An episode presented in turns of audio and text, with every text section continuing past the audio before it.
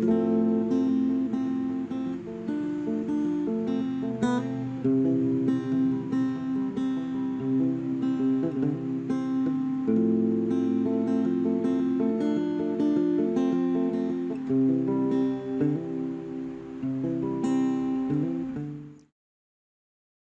cek.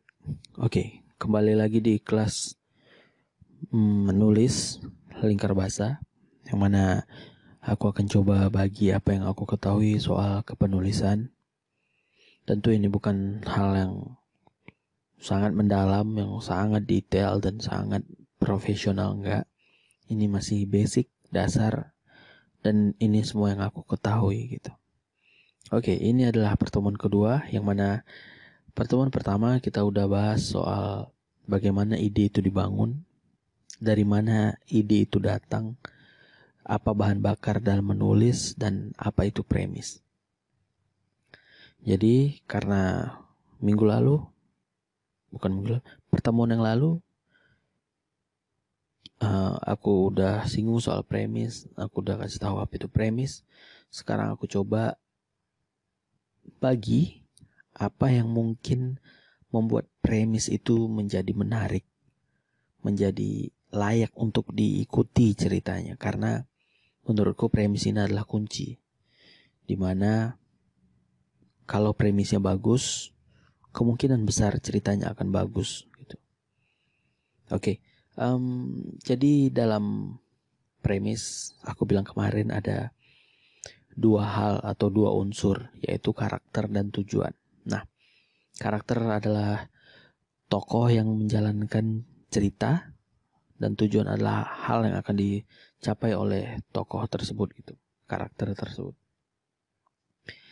Tapi kita akan terbentur ke pertanyaan apakah semua hal bisa dijadikan premis atau hanya hal tertentu atau ada kriteria untuk membuat atau memilih tujuan sehingga premisnya baik dan ceritanya akan juga ikut baik. Di sini ada tiga unsur dalam tujuan yang kalau ini dipenuhi, kemungkinan besar um, ceritanya akan menarik untuk diikuti. Oke, masuk yang pertama. Yang pertama adalah relatable. Jadi um, unsur yang pertama adalah bagaimana premis itu terhubung dengan kita sebagai manusia asli itu. Cerita kan bisa dibilang sebagai mirror of lives gitu. Jadi cerminan dalam kehidupan gitu. Itu banyak yang yang percaya sih. Jadi kalau cerita itu nggak relate atau nggak berhubungan dengan kita, bagaimana kita bisa menikmati ceritanya gitu. Kita nggak ngerti dari mana ini berasal, kenapa ini yang akan ditujunya gitu.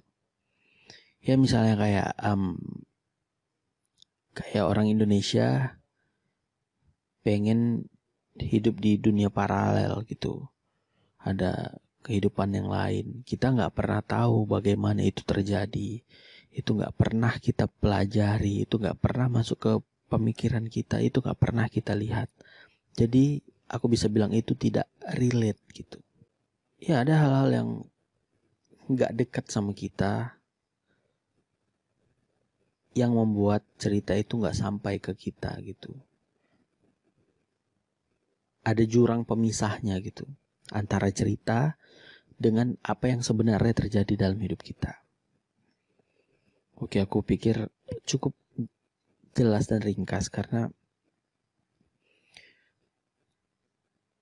mungkin semua orang juga udah ngerasain gitu. Cuman ini dirumuskan aja. Oke, yang kedua setelah ceritanya relate lalu apa? Tujuannya harus urgent gitu. Yang kalau tidak di uh, penuhi tujuannya akan terjadi sesuatu. Kita coba ambil dulu tadi yang relate. Misalnya, seorang anak ingin membelikan adiknya alat bantu dengar. Ya kan? Jadi tujuannya adalah adiknya, kakaknya pengen membelikan berarti tujuannya adalah membelikan adiknya alat bantu dengar misalnya. Itu itu pasti relate. Kita sayang keluarga kita, kita ingin memberikan yang terbaik untuk keluarga kita. Adik kita tidak baik pendengarannya atau tuli, kita coba belikan alat bantu dengar. Itu sudah relate. Apa urgensinya? Misalnya, um, adik kita sudah mau masuk sekolah gitu. Lusa, adik kita masuk sekolah. Maka dalam dua hari kita harus belikan adik kita alat bantu dengar.